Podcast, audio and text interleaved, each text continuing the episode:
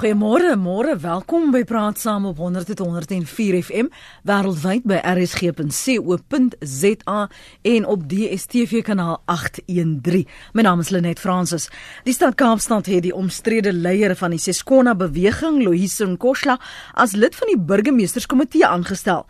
Die salaris vir die pos beloop 700 000 rand per jaar. Nou 'n woordvoerder van die stadsraad, Priya Reddy, het bevestig dat dit 'n politieke aanstelling is.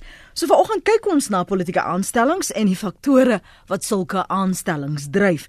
My gaste vanoggend is Theo Venter, politieke ontleder verbonde aan Noordwes Universiteit se besigheidskool. Goeiemôre Theo.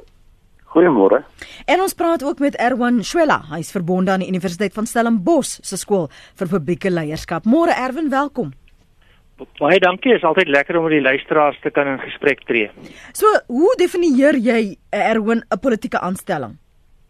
Politieke aanstellings het te maak met 'n situasie waar vir redes wat uh die politieke party aan bewind besluit belangrik is mense geleenthede kry om binne administratiewe of uitvoerende poste te te, te dien.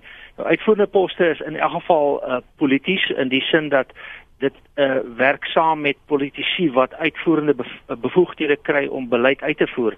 Maar dan het 'n mens die administratiewe groep, dit is met ander woorde soos in die sentrale owerheid die staatsdiens of uh in die uh provinsiale dienste ook die provinsiale uh um, administrasie. En dan op die vlak van plaaslike owerhede het jy uh dan die die die die plaaslike regeringsdiens of die munisipale amptenare jy probeer eintlik in 'n in 'n in 'n goeie stelsel gebaseer op verdienste en op professionaliteit en verskillende rolle. Die verskil tussen die politieke rol en die uitvoerende rol en die administratiewe rol 'n soort skeiding bring sodat mense sê daar's 'n professionele groep amptenare Hierdie amptenare word aangestel op grond van hulle professionele vermoëns, hulle hulle bevoegdhede, hulle kundighede. Dan is daar verkose mense, die politici. Uh sommige van hulle is dan verteenwoordigers. Hulle sit byvoorbeeld in die stadsraad en dan is daar 'n groep mense wat ook 'n uitvoerende bevoegdheid kry. In die geval is dit of 'n burgemeesterskomitee lid as ons nou plaas praat uh, uh in die plaaslike owerheidssfeer uh of of uh, die plaaslike owerheidssfeer uitvoerende komitee lid. Ehm um, en hulle is dus eintlik verkose politici wat uitvoering uh as dit ware 'n uh, oorsig daaroor het en en en en bedryf. Ehm um, nou, waar jy dan hierdie gemengde beeld kry is wanneer jy mense kry wat vir een of ander rede nie voldoen uh presies aan die vereistes vir 'n aanstelling uh as 'n amptenaar, as 'n professionele amptenaar nie, um, maar wat dan tog op grond van bepaalde politieke bydraes, uh, politieke voorkeure, politieke invloed 'n pos kry in die administrasie. En ek dink dit is die soort van kwessie wat wat ons hiermee te doen het. Nou in Suid-Afrika is dit natuurlik 'n heel gebruikelike situasie um, op alle vlakke van regering of in alle swere van regering. Ons het geweldige kaderontplooiing in beide die provinsiale en regeringsvlak en ons sien dit ook op plaaslike owerheidsvlak. Laaste punt net vinnig.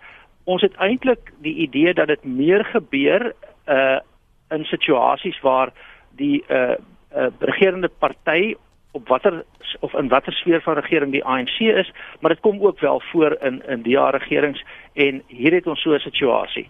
Uh en dis 'n baie interessante gesprekspunt of 'n mens so 'n situasie behoort te hê en ehm um, wat die impak daarvan is op dienslewering en die uitvoering van van owerheidsbeleid. Maar dit wat vir my vreemd is, Theo, want ons sien al politieke aanstellings, kaderontplooiing al lank. Hoekom ons ons verras dat dit nou weer gebeur? Ja, ek stem met Erwin saam oor die teoretiese ehm um, agtergrond van hoe sulke aanstellings lyk en ehm um, hy het dan verder gegaan ook 'n bietjie gepraat oor kaderontplooiing. Ons moet ook onthou dat daar nog nog 'n dimensie of nog 'n kategorie is en dit is wanneer jy van 'n politikus ontslaaw wil raak vir een of ander rede en dit is net so oud as die berge en in die meeste lande in die wêreld in dit plaas is daar natuurlik nog die die die uitplaas van ambassadeurs of die spesiale skep van poste waarheen jy politici stuur wat dan eintlik in 'n administratiewe pos ehm um, gaan gaan sit. Want 'n groot deel byvoorbeeld van 'n ambassadeur se werk is administratief van aard. En ehm um, ek wil dit ook net 'n bietjie in konteks bring met die met die private sektor dis nie onbekend dat in die private sektor as jy ehm, 'n um, hoof van een of ander besigheid aanstel of uh, 'n nuwe uitvoerende hoof dat hy die reg en die buigsaamheid het om mense aan te stel hmm.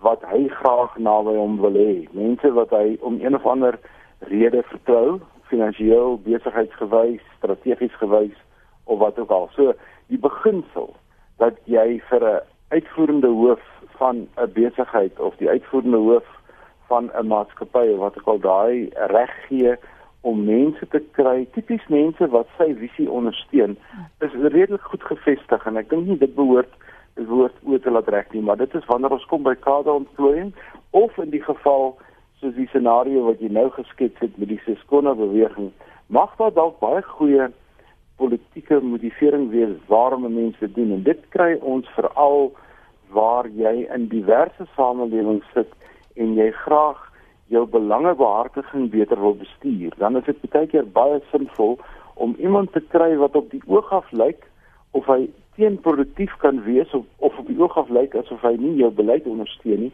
maar deur so 'n persoon naby jou te hê in 'n uitvoerende bestuurspos is een van die metodes hoe jy 'n diverse omgewing help bestuur. Tio, is dit nie 'n bietjie te dik vir 'n daalder dat die DA SA se voorsitter Dudi Mjeni kritiseer en verwys aan haar as 'n politieke aanstelling, ander doen hulle presies dieselfde ding. Ja, maar ek dink daar's tog 'n verskil. Ehm um, en ek dink Erwin het daarna verwys ook in sy inleiding. Jy kan hierdie aanstellings maak en dit is nie buitengewoon om hierdie aanstellings te maak nie, maar dan is daar 'n tweede dimensie en dit is funksioneer en doen die aanstelling naaste by wat hy veronderstel is om te doen. En ek dink dit is waar Dudi Mjeni in die slaggat trap dat uh, iemand wat in haar pos sit bo as 'n politieke aanstelling moet uiteindelik ook verantwoordelikheid neem vir hoe goed die organisasie vaar of nie vaar nie. En ek dink die spesifieke saak rondom die SAL naamlik finansiële agteruitgang swak bestuur swak korporatiewe bestuur en al daai goed word dan ook aan haar gekoppel so dan word die kritiek op so 'n aanstelling natuurlik dubbel so groot as onder normale omstandighede. So daar is by die persone wat so 'n politieke aanstelling maak 'n geweldige groot verantwoordelikheid om seker te maak dat die persoon weet wat sy pos is, weet wat hy moet doen en dat die die moontlikheid van 'n patronaatskapsverhouding wat ons nou baie sterk onder president Zuma begin sien, nie maak dat jy onaantastbaar word nie, want die oomblik wat so aanstelling onaantastbaar is. En dis ongelukkig een van die kenmerke wat loop saam met 'n politieke aanstelling. Dan dan uh, begin jy probleme te ontwikkel. So daar is die aanstelling soos ons reeds gesê het is redelik normaal, maar die fokus en die verantwoordelikheid van so 'n aangestelde persoon is buitengewoon groot. En dit lyk vir my dis nie net in die geval van Dudu Mjeni waar die kritiek geldig is nie, maar veral in plaaslike owerheid word daar dikwels politieke aanstellings gemaak in plaaslike regerings ehm um, waar mense in poste soos 'n beleidsontleder of 'n uh, een of ander so soort 'n pos aangestel word wat toet en taal nie gekwalifiseer is vir die pos nie en eintlik maar net ehm um, uh, of daar neerkom dat die politieke party soek iemand om op 'n voltydse basis partytetiese werk te doen en deur iemand anders betaal word. En dit is 'n praktyk wat ons in Suid-Afrika nogal baie kry en ek dink dit is 'n praktyk wat 'n mens met hand en tand moet beveg.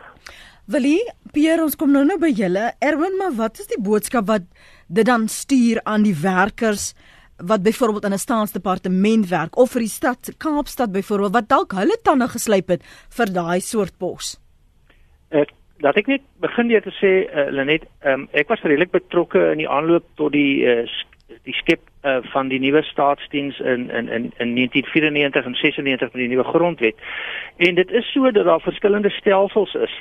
Ehm um, as jy mens byvoorbeeld gaan kyk na die FSA dan rondom die president uh, word daar 'n klomp politieke raadgewers aangestel uh, na elke verkiesing. Daar is presies uh, die die veronderstelling waarna waarna Theo ook verwys het dat uh, mense wil ook met mense saamwerk veral naby aan hulle uh, met wie hulle 'n bepaalde uh, stel idees en filosofieë deel en as jy kyk na die slegste kant daarvan mense wat hulle uh, kan vertrou om hulle beleide uit te voer en hulle nie dalk sal saboteer nie.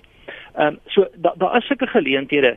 Wat 'n mens moet doen is as jy moet dit behoorlik struktureer en ons het uh, byvoorbeeld voorsiening gemaak in ons denke destyds en dit is tot 'n mate ook so in wetgewing vervat dat daar wel spesiale beleidsraadgewers kan wees rondom ministers ehm um, dat daar wel mense kan wees wat naby aan burgemeesters is, maar dit moet 'n beperkte hoeveelheid mense wees met 'n bepaalde doel en dit moet verkieslik behoorlik gereël en gereguleer word by wyse van wetgewing en en amptelike beleid. Dis wanneer hierdie uh, goed uh, begin om in te speel op uh, kom ons koop politieke invloed in 'n bepaalde gebied deur iemand 'n aanstelling te gee want daardie persoon het 'n besondere uh, uh, aktivistiese of ander soort geskiedenis, politieke geskiedenis dat die goed problematies raak. En hoe verder jy wegbeweeg van 'n goed deurdagte, gereguleerde uh, beleidsmatig goed gereelde stelsel, hoe nader kom jy aan die aan die uitwasse en die probleme in hierdie verband. Nou terug by jou vraag. Die idee is dus dat daar eintlik 'n uh, 'n groep mense is wat professionele amptenare is en dat hulle eintlik die regering van die dag onafhanklik moet kan dien van die politiek van die regering van die dag. Nou dit is 'n dit is 'n goeie ideaal, is nie altyd haalbaar nie. Ehm um, as 'n mens nou byvoorbeeld kyk in ons stelsel by by plaaslike owerhede is daar voorsiening dat 'n uh, uh, binne 'n jaar na verkiesing bepaalde poste ontruim moet word en dat daar nuwe aanstellings gedoen kan word. Dis juis om daai politieke beleining te koppel aan uitvoerende en administratiewe beleiding. Nou as jy nou iemand is wat wat jare lank 'n loopbaan gevolg het, ehm um, gebaseer op verdienstelikheid bepaalde bevorderings gekry het en iemand kom nou en kry 'n senior pos in die administrasie. Onthou daar is nou ruimte vir beleidsraadgewers, 'n uh, spesiale soort van assistente. Dan dink ek skep dit 'n uh, 'n groot mate van ontevredenheid. Ehm um, uh, dit hang natuurlik ook af van die aard en die omvang en terselfdertyd ook die politieke agenda. Uh uh hier speel die vakbonde 'n rol. Ehm uh, dis interessant dat dat dat in die geval van by byvoorbeeld baie van die staatsdiensvakbonde in Suid-Afrika maak hulle nie eintlik beswaar teen politieke aanstellings nie want hulle is self deel van 'n politieke stelsel. Hulle is self mm. verpolitiseer. Ja. Maar ek is seker daarvan en ek het ook ervaring van mense met wie ek betrokke was in in in in arbeidsgeskille uh, dat mense ernstig gefrustreerd is as jy 'n loopbaan gemaak het, 'n professionele amptenaar is en dan skielik hier min of meer uit die bloute of uit die diepte uitkom daar iemand en, en die persoon hy of sy word oor jou kop aangestel en dis 'n politieke aanstelling. Ehm um, Erwin, maar skep dit 'n probleem. Skiet 'n regstelling wat hulle gemaak het wat ons moet noem is in die eerste 10, 15 jaar van Suid-Afrika en plaaslike owerhede was die aanstelling van munisipale bestuurders byvoorbeeld een van die goed waarna net eintlik verwys en in wetgewing is dit reggestel oor die laaste paar jaar in 'n poging om die professionaliteit byvoorbeeld van 'n van 'n munisipale bestuurder weer terug te kry waar dit ehm um, van tevore was. So so die stelsel het daarom ook 'n bietjie selfkorrektief opgetree. Ja, ek het geen enkel probleem dan nie. Is ook nie net op die vlak van munisipale bestuurders nie. Daar's eintlik 'n spesiale uh, artikel in in die wetgewing wat wat wat wat wat een of twee vlakke selfs onder die munisipale bestuurder uh, gaan dit, dit kan redelik tegnies raak en en ja, die die die stelsel self korrigeer. Um, na na die oorgang, aanvanklik na die oorgang was daar veral wat munisipale bestuursposte uh, en in in die plaaslike owerhede betref wa, was daar uh, eintlik 'n groot probleem met die eintlik onprofessionalisering van die van die van die amp van die munisipale bestuurder of die vroeëre stadsklerk amp. Terselfdertyd dit gesê, um, en, en en en die vraag wat wat hulle net nou ge, gevra het en wat 'n heel spesifieke vraag is, uh, dit is vir geen uh, uh, loopbaan amptenaar wat op 'n verdienstelike wyse en met uh, die verwerwing van die nodige kwalifikasies en met ervaring uh, probeer om te, of, of aspireer om om om oor tyd bevordering te kry 'n gelukkige situasie dat uh, dat iemand nou vir politieke redes uh, uh hoe hoe ingekleene ook al oor oor oor oor hulle koppe aangestel word. So Theo, help vir my en die luisteraars om te verstaan. Wat gebeur dan met ehm um, Loiso se se ideologie? Wat gebeur met die kritiek wat hy uitgespreek het, die ondraaglike situasie wat hy uh, en Andile Lily geskep het met al al hulle poef betogings? Dit het ondraaglik geraak, dit het die DA daarvan beskuldig die stad Kaapstad dat hulle nie vir die armes omgee nie en nou is jy dan nou deel van hierdie stelsel hierdie stelsel. So wat sê dit vir ons? Wat moet ons daarin lees? dat jy gekoop in aanhalingstekens kan word? Op 'n baie eenvoudige manier wat dikwels op skole wanneer leerlingrade gekies moes word, dan was een van die reëls wat gevolg is om die bekende boelie in die skool ook 'n uh, 'n lid van die leerlingraad te maak. Dit het hom onmiddellik in 'n ander posisie geplaas wat hom eintlik ontwapen het in terme van die kom ons sê die metodes wat hy gebruik het op mm. die um, op die speelgrond. So, nou soos Boris Johnson byvoorbeeld nou met Brexit na Brexit. Ja, ek wil nou nie sê dit is dit dis nou wat gebeur het nie. Brexit is 'n goeie voorbeeld met met uh, meneer Johnson.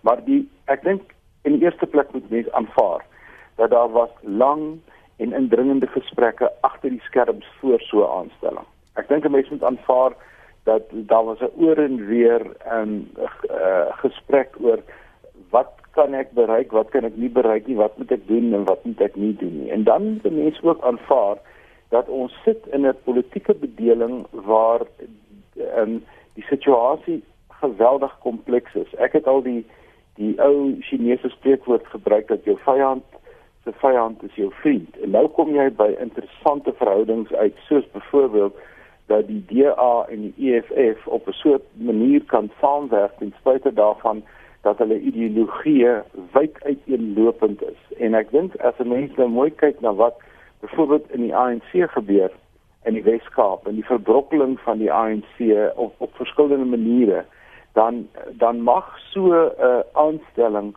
deel wees van 'n groter strategie om verder 'n wig in te werk. Ons sien ook ons sien ook dat die ANC dit um, redelik effektief doen in terme van aanstellings wat gemaak is nadat die ehm um, uh, eh, NNP doodgeloop het en sekere ehm um, uh, individue in die ANC betrokke geraak het wat wat in 'n sekere sin amper onverstaanbaar was uh tong in die kies moet ek sê party van die aanstellings lyk my permanente adjunkministers geword maar dit het dieselfde soort van wrangsmaak in die mond en 'n mens vra hoekom dit gebeur? So politieke partye het dikwels baie sterk politieke motiewe in pogings om ook die politieke spel te speel deur gebruikmaking van aanstellings op 'n administratief uitvoerende vlak. Kom ons hoor net, ja Erwin? Net mag ek gou inkom? Gou gou ja. Uh, wat dit betref het ek het ek eintlik 'n redelike beginsel uh in beginselsiening en 'n redelike puristiese siening. Ek het 'n groot begrip vir al die uh, politieke strategie en taktik wat wat gebruik kan word maar ek dink ons moet baie versigtig wees daarvoor want jy kry definitief hier 'n vermenging en die dinge te manier om uit te kring. So um ek sou verkies uh, dat die doel nie die middele uh heilig nie Ehm um, en veral as die doel polities is en op die ouend inspel op die professionele vermoë van die stelsel om behoorlik dienste te lewer, dan het ek ernstige uh, besware. Ek sien dat dit kan gebeur. Dit gebeur wel, maar dit beteken nie noodwendig dat dat ek nou persoonlik daarmee saamstem of dit op een of ander manier uh, wil regverdig nie en ek weet ook om dit te verklaar beteken nie dat jy dit regverdig nie, maar ek sou net werklik wil waarsku dat ons versigtig moet wees dat die doel die middele begin heilig en dat ons hierdie professionaliteit vervang met 'n politieke stel oorwegings. Dit het die manier om uit te brei en uit te kring en groter te word. Wees maar versigtig. Pier, jy hou vir ons al 'n rukkie aan. Dankie. Wie word hulle net jou gaste? Môre. Môre, ek is bewus daarvan dat uh, die nasionale vervolgingsgesag, die valke, die regters van die Hooggeregshof en die konstitusionele hof almal is politieke aanstellings. Maar wat my dwars in die krop steek is dat die konstitusionele hof en die hoër hof gee uitsprake dat mense uit hulle poste moet verwyder word en dat mense aangekla moet word. Maar dit word net geminag. En daar is geen boetes op nie, daar is geen uh straf nie. Ek sou graag wil weet hoekom is daar nie straf op die uh, oortreding van die grondwet nie? OK, ek hoor wat jy vra, maar wat sê jy oor jou opinie van politieke aanstellings? My my storie van die politieke aanstelling is dit is alles daar net om die president te dek. Hulle almal dek net die president, dis al. Okay. Behalwe nou die konstitusionele hof het baie baie standpunt ingeneem teen enige uh, dinge wat onregmatig was.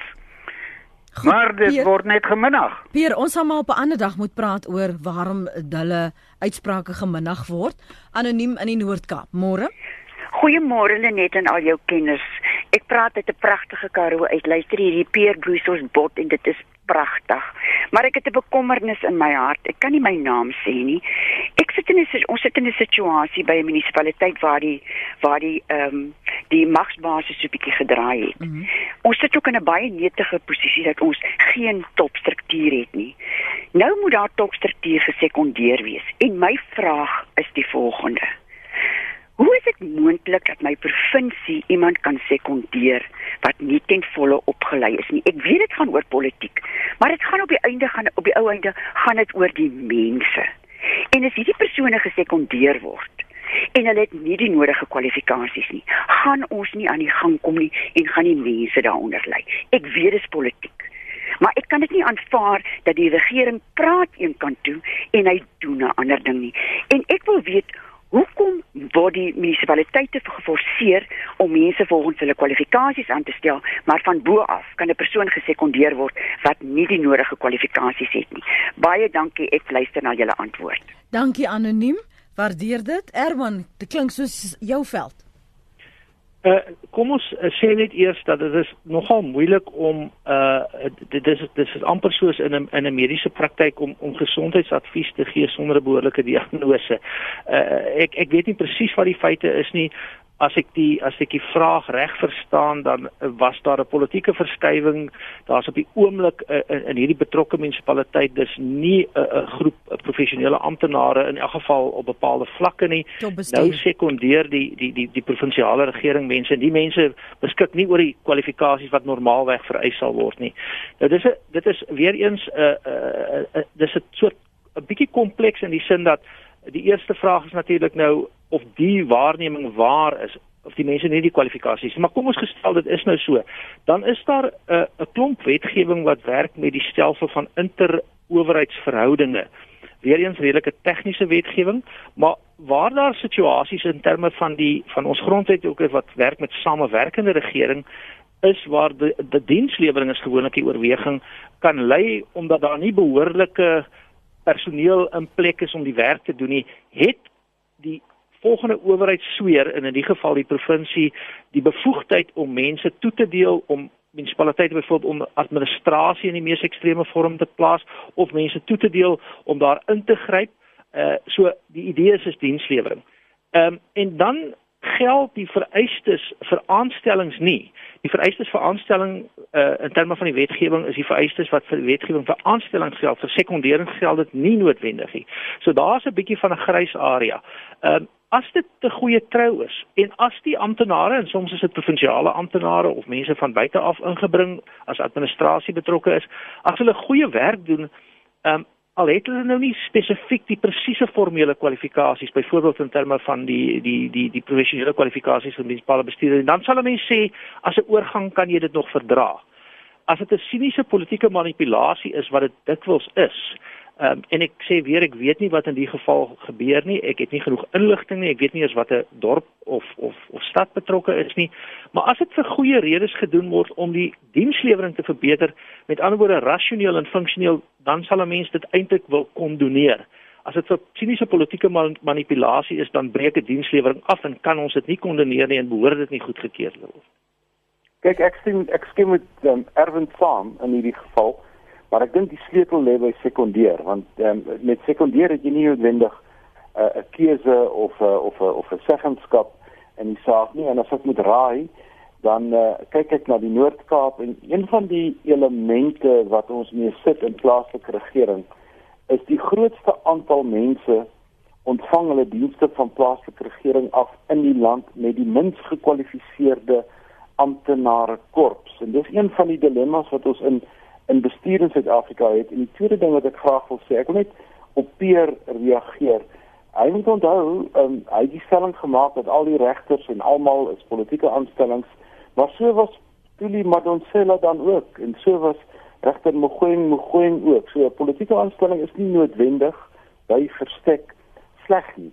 En um, baie van hierdie aanstellings doen uitstekende werk en 'n mens moet ook versigtig wees met die stelling van politieke aanstellings. 'n Regter byvoorbeeld gaan deur 'n baie baie intense ondersoek en ondervraag proses en wat ook al en 'n mens mag na die tyd sê goed dis 'n politieke aanstelling maar ek dink daar sou ek 'n bietjie wag vir my mond plaas. Politieke aanstellings raak vir elke Suid-Afrikaanse burger 'n groot uitgawe. Belastingbetalers moet opdok, belasting word verhoog om aan te pas by die vraag na hoë salarisse.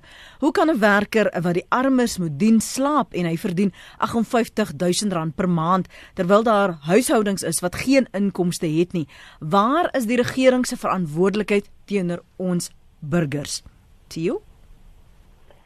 Ja, dit is baie moeilike vrae en en maar mense moet onthou as jy iemand aanstel op 'n sekere vlak in die in die staatsdiens of plaaslike regering of selfs by universiteite, eh, 'n uh, sekere vlak vereis 'n sekere soort salaris en ek dink ehm um, daardie ehm um, daar sit ehm um, birokrate en birokrasie dikwels vasgevang in voorskrifte wat op ander plekke onderhandel is. 'n Mens kan nou wel hierdie vraag vra wat jy gevra het, maar ek dink 'n mens moet aanvaar as jy vir iemand sê ek wil jou 'n minister maak of ek wil jou 'n adjunkt minister maak of ek wil jou 'n raadgewer maak, dan is daar 'n verwagting oor wat daai salaris behels en wat daai pos behels. En die groot verantwoordelikheid lê op daardie posbekleer om hierdie vraag wat jy met regte vra uiteindelik reg of verkeerd te bewys. En ongelukkig sit ons in Suid-Afrika met die met die slegte tradisie dat die meeste van sulke posbekleers nie regtig die mas opkom nie.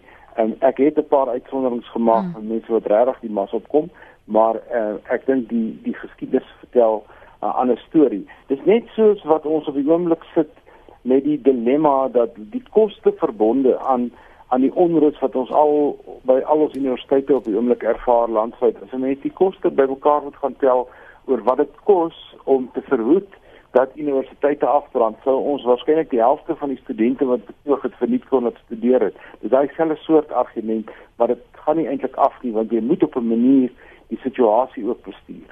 Voordat ons van die kwessies van die luisteraars verder aanraak, wat sou jy wou sê na aanleiding van die kommentaar van ons luisteraars tot dusver Erwin?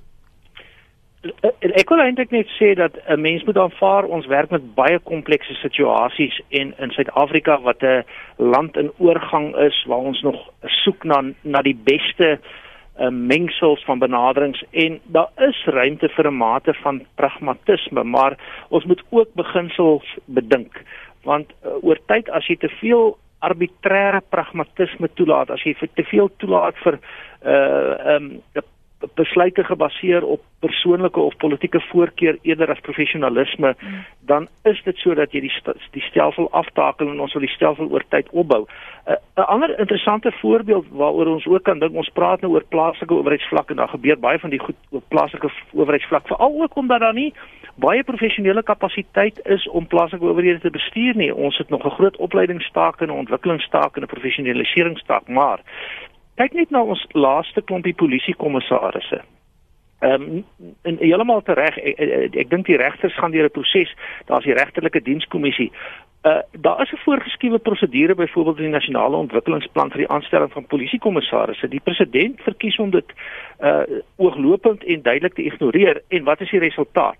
Ons kry politieke aanstellings en ons het meneer Bekkie Cele gehad wat weg is in voorom met Jackie Selebe waaroor ek 'n akademiese artikel geskryf het as 'n voorbeeld van onetiese en oneffektiewe leierskap en daarna 'n uh, uh, generaal Ria Viega Gelukkig het ons nou 'n waarnemende kommissaris generaal Paslani wat eintlik 'n professionele polisiepersoon is. 'n Mens moet prosesse in plek hê. 'n Mens moet behoorlike deurdagte en en uh gekoördineerde prosesse in plek hê. Goeie prosesse skep goeie uitkomste. En as dit goed arbitrêr raak, as dit vatbaar raak vir manipulasie, dan vergroot ons net ons probleme. So ja, as ons dan moet voorsiening maak vir die kompleksiteit en die die oorgang, moet ons ten minste seker maak dat dit nie arbitrêr word en dat dit dat dit nie gebaseer word op subjektiwiteit en vooroordeel nie. Polisiekommissarisse byvoorbeeld, maar ook munisipale bestuurders en munisipale finansiële beamptes en uh uh um, mense wat uh, sanitasiesisteme moet ontwerp, benodig 'n bepaalde professionele kundigheid en as jy van tyd tot tyd die gemeenskap wil betrokke maak, maak hulle op ander maniere betrokke verkieslik. Ehm um, so ek is nie ek is ek is tot 'n mate puristies, maar 'n mens mens moet ook aanvaar Suid-Afrika se konteks is kompleks. Ek wil gou teruggaan na wat een van ons luisteraars hierso skryf, maar hier's 'n ander een wat bietjie tong in die kies kommentaar lewer. Dis William wat sê ja nee, as jy dit rondstrooi, strooi dit ordentlik. Wys jou net wat kan gebeur as jy iets ordentlik en met oorgawe doen. ek dink ek deel dit maar met julle vir enige een wat voel hulle hulle hulle doen nie hulle doel nie. Kom ons hoor gou wat 'n ander Theo op die hart het. Goeiemôre, hy's in Bloemfontein. Môre, môre Môre. interessante gesprek wat julle het volgend. Ek sit en luister nou hier terwyl ek uh, ry. Ek interessant, ek het so tydjie terug 'n baie interessante statistiek gesien van die die bruto binnelandse inkomste, die persentasie daarvan wat aan salarisse in die staatsdiens gespandeer word. Nou hoeveel van hierdie aanstellings is politieke aanstellings? Mm. En die impak wat dit op die spandeerbare inkomste het uh wat wat elders in die land aangewend kan word vir baie beter dienslewering. Mm. Uh dit is interessant dis net om te sien net is, is van die van jou gaste dalk die statistiek het ehm um, watter persentasie word gebruik daarvoor en soos ek sê, ek glo dat 'n groot persentasie van hierdie aanstellings is bloot politiek vir vir uh die win van stemme, cronies, uh my buddies moet ek help met te werk, daai tipe van ding. Mm. En en miskien waarskynlik ook 'n impak het dat of, as ons kyk na wat voor die verkiesing gebeur het, hoe die wetywering gelei het tot selfs moord om posisies. Ja. Absoluut. Die die jy weet want dit gaan oor brood en botter, nie noodwendig brood en botter nie, maar dit gaan oor want jy sit met soveel ouens wat in die staatsdiens aangestel is, maar hy word aangestel maar uiteindelik 'n inkomste op 'n ander plek ook. So hulle sit met mense met meer as een inkomste, maar dit gaan bloot omdat hy politiek aangestel is, moet hy nou geakkommodeer word en dit is lomp. Dit is dit het 'n invloed op op dienslewering.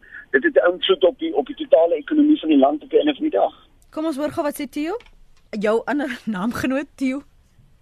Kyk, 'n mens moet nou 'n bietjie 'n onderskeid tref want die die die gesprek kan te te wyd loop met met die term politieke aanstellings. Ons moet versigtig wees om nie aanstellings waarvan ons nie hou nie politieke aanstellings te noem want daar is 'n wye wye reeks aanstellings en dan is daar sekere ehm um, kom ons noem dit dan ehm um, industrie vasgestelde ehm um, kerwe en en en benchmarks ten opsigte van hoeveel jy spandeer aan salarisse en nie by plaaslike owerhede probeer plaaslike owerhede bly tussen 30 en 40% en probeer nooit om oor 40% te gaan nie. Universiteite weer se salarisrekening is aansienlik hoër omdat die meeste mense wat hulle in diens neem, ehm um, professioneel is en en noodsaaklik in daai bedryf is en die staatsdiens dieselfde. Dit is 'n baie groot salarisrekening en ek dink in Suid-Afrika is dit te groot vir die ekonomie en die skaal wat wat ons bekleë. Maar ehm um, ek dink die die die die politieke aanstelling waarop ek en Erwin fokus, naamlik hierdie spesiale groepie mense wat jy bo en behalwe en wat jy onder spesiale omstandighede sou aanstel om 'n sekere doel na te streef, het sy dit 'n raadgewer is of wat ook al. Dit is 'n baie baie klein komponent dink ek van jou salarisrekening. Regtig. En as jy dit moet vergelyk met sekretaresses en gewone um, administratiewe mense en dis meer, is dit 'n baie klein gedeeltetjie. Maar as jy die die weier definisie gebruik wat ek dink die meeste van die inbellers gebruik deur te sê eintlik is almal 'n klomp politieke aanstellers, dan is dit heeltemal 'n ander storie. Hmm. Die ANC ja, Erwin? Kan ek net vinnig inkom om te sê dis 'n baie interessante navorsingsvraag. Ehm um, en ek is nie bewus van uh, van uh, werklike gesaghebende empiriese navorsing maar dit is 'n interessante vraag oor wat is die ekonomiese koste ja. van van hierdie soort aanstellings nie net in terme van die direkte verlies aan produktiwiteit uh, omdat jy mense salaris betaal wat die werk nie kan doen nie maar in 'n sekere sin die deurgee effek van van swak dienslewering die impak wat dit het op moraal binne die die die die die, die, die betrokke organisasie. Uh ons het kleiner skaal studies uh by individuele munisipaliteite en en en dit, dit lyk tog of dit in bepaalde gevalle en mense moet nou natuurlik elke geval uniek beskou 'n redelike koste kan hê.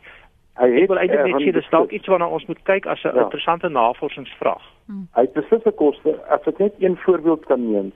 As jy 'n politieke aanstelling maak as 'n ambassadeur byvoorbeeld, dan het die departement van buitelandse sake volgens sy ou naam het 'n standaard praktyk en dit is jy stuur dan een of twee administratiewe amptenare saam met daai burger ag saam met daai ambassadeur om hom te help om sy werk te doen. So daar is beslis ehm um, uh, merite in die vraag wat jy vra. Ek lees wat sê Bobby op Wellington. Bobby sê as 'n troep gekla het oor die kos in die menasie, het ek hom die chef se hulpkok gemaak. Dis die boelie storie. Ja, ja, dit is Ja, behalwe dit is daar daar's natuurlik 'n baie besondere strategie van kooptering, nê. Nee. Ek wil nou net kyk na wat die kritiek sal wees van van die gemeenskappe, byvoorbeeld in die geval hier in Kaapstad, dan sal die gemeenskappe sê ja, dis nou 'n interessante situasie hierdie.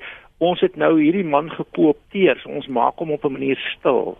Maar dit is ook strategie. Dit is wat ons dit ook al in die verlede gesien het. As is so, soos byvoorbeeld as iemand 'n verleentheid vir jou raak, ek ek sou dit ewenaar met die goue handdruk wat ons later kry. Ja. Dis 'n voorlopige goue handdruk. Hm. Ek wil gou vir julle En en, en ja. natuurlik 'n ander deel daarvan Lenet is wanneer iemand um, so 'n uh, profiel ontwikkel het, ehm um, soos wat die persoon waarvan ons nou praat, dan is dit beter strategies en takties om hom nader aan jou te hê as om hom ver van jou af te hê. Hmm. Want as jy nader, as jy hom nader aan jou het, dan het jy 'n klein bietjie meer beheer oor hom. Jy betaal hom 'n salaris, jy gee hom werk, jy hou hom besig. So byvoorbeeld het president Zuma uitgevind dat hy 'n baie groot fout gemaak het 'n paar jaar gelede deur um, Paul Mashatile uit die kabinet uit te laat um, toe hy 'n kabinet saamgestel het, een van sy grootste kabinette. Wat doen meneer Paul Mashatile toe? Dis nou binne die partytetiese konteks. Hy is toe vry om te begin mobiliseer teen meneer Zuma. So jy sou eintlik ehm um, jou opponente besig wil hou. Jy sal hulle nie wil los dat hulle vry is om te maak wat hulle wil nie. Maar as 'n mens nou hierdie uh, hierdie hierdie uh, logika theo in uh, in sy in en en en doelbewus dan nou vir die doeleindes van die argument tot in sy absurde vorm wil voer dan behoort ons nou elkeen van hierdie studente leiers wat die opstande lei professore te maak of dit is almal aan ons kant. Hoorie, ek lees gou wat sê van ons luisteraars hierso. Ehm, um, hoe werk geld gewys die verskil tussen die privaat firma salaris en staatsdiens? Mense privaat praktyk kry nie eers die helfte vir soortgelyke werk nie, skryf Chris. Uh, SPC die olifante in die kamer begin ons nou vertrap.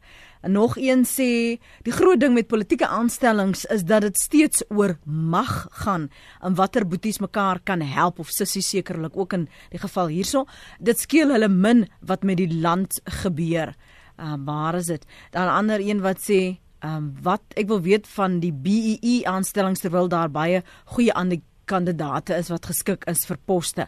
Dis Dirk Bosman in Benoni en nog een sê Ehm um, Kaapstad moet haar met haar voorbeeldige stadsbestuur verseker uit die mode en voel nou genoodsaak om ook 'n bietjie misterigheid in te bou sê Mani. Nou wil ek net ek wil ek wil op die een vraag oor BE wil ek ook net noem ons het nou baie gefokus op die staatsdiens maar hmm. in in die private sektor het jy ook politieke aanstellings baie besliste politieke aanstellings en ek dink die verskil wat ek sien tussen die private sektor waarby ek net so baie betrokke is as by die owerheidssektor is in die privaat sektor wanneer jy so 'n aanstelling maak en die persoon is op die oog af nie gekwalifiseer vir die pos waarna hy beklee nie dan doen die privaat sektor nogal baie om so 'n persoon te help en om hom 'n beter opleiding te gee om hom aan te moedig om verder te studeer en dis meer. Ek sien nie dieselfde prosesse in die staatsdiens nie. So eh, daar is ook 'n verskillende manier hoe politieke aanstellings gehanteer word Bobby Godsell het eendag gesê uh, tydens 'n uh, vergadering dat in 85% as jy kyk na mense wat werk soek 85% van gevalle en en uh, aansoeke is deur iemand wat jy ken. Dit gaan nie oor al die kwalifikasies nie. Iemand kan jou inbring, iemand kan jou aanbeveel, iemand kan jou help werf. Hulle is half jou uh, wingman, die een wat sê maar ek ken hierdie persoon, ek kan waarborg hulle moet oorweeg word. So as ons so 'n milieu het, is dit maar wat ons moet aanvaar. Dit is hoe dit ook maar altyd sal wees selfs in die toekoms met veranderinge met ander rigting wat ons of as politieke party of as 'n land se bestuur uh, wil bewerkstellig. Erwin, dit is net soos dit is. Ons moet dit maar nog net aanvaar. Ons werk met 50 skakeringe van grys ook in hierdie situasie. Ehm um, ons aanvaar dat daar 'n bepaalde funksionaliteit kan wees. Byvoorbeeld, om mense wat jou naby raadgewers is te kan vertrou. Daar's ook miskien redes hier en daar om mense te koopteer om hulle as dit ware in te koop in jou stelsel in. Dit is wanneer hierdie goed 'n bepaalde perk oorskry en die ekonomiese en ander kostes in terme van byvoorbeeld wat is die koste van die die die die die, die skietslagting in Marikana? Ehm um, as, as die goed as dit begin om totaal disfunksionele gevolge onbedoelde uitkomste te hê. So ons moet tot 'n mate pragmaties wees, maar terselfdertyd moet die goed nie te arbitrêr raak nie. Dit moet nie te diskresionêr raak, dit moet nie te ehm um, subjektief raak nie. En dis daai balans soeke wat ons die hele tyd moet doen. Ehm um, die private sektor werk tot 'n groot mate op netwerke. Ehm um, mm, en miskien selfs die die die die die, die, die politieke organisasies ook. Maar terselfdertyd moet jy dan een of ander vorm van 'n afweeg van belange kry. Jy moet daarom ook nie net 'n uh, 'n kader hê nie, maar ook 'n kompetente persoon of 'n gekwalifiseerde persoon. Mm. So dit gaan veel meer as net uh, binne jou eie party kyk, dit gaan ook oor partygrense heen soos ons nou hier gesien het. Ehm um, so laaste slot opmerkings van jou kant uh, Tio, voor ek groet. Ja, ek dink dit is dit is 'n handige metode wat ehm um, bestuurders het om sulke dinge te doen, maar dit moet met groot oorleg plaasvind en dit moet uiteindelik kan die toets van tyd deurstaan dat so 'n individu wat op 'n vreemde manier in die stelsel inkom 'n bydrae kan lewer en ek dink daar is goeie voorbeelde van waar dit al reeds plaasgevind het. So ek dink nie dis iets wat ons die baba met die badwater moet uitgooi nie. Julle baie dankie vir die saamgesels. Uh hier op praat saam waardeer julle insigte en ervaring. Theo Venter is politieke ontleder verbonde aan Noordwes Universiteit se Besigheidsskool en Erwin Swela is verbonde aan die Universiteit van Stellenbosch se skool vir publieke leierskap. Sterkte daar julle. Groete.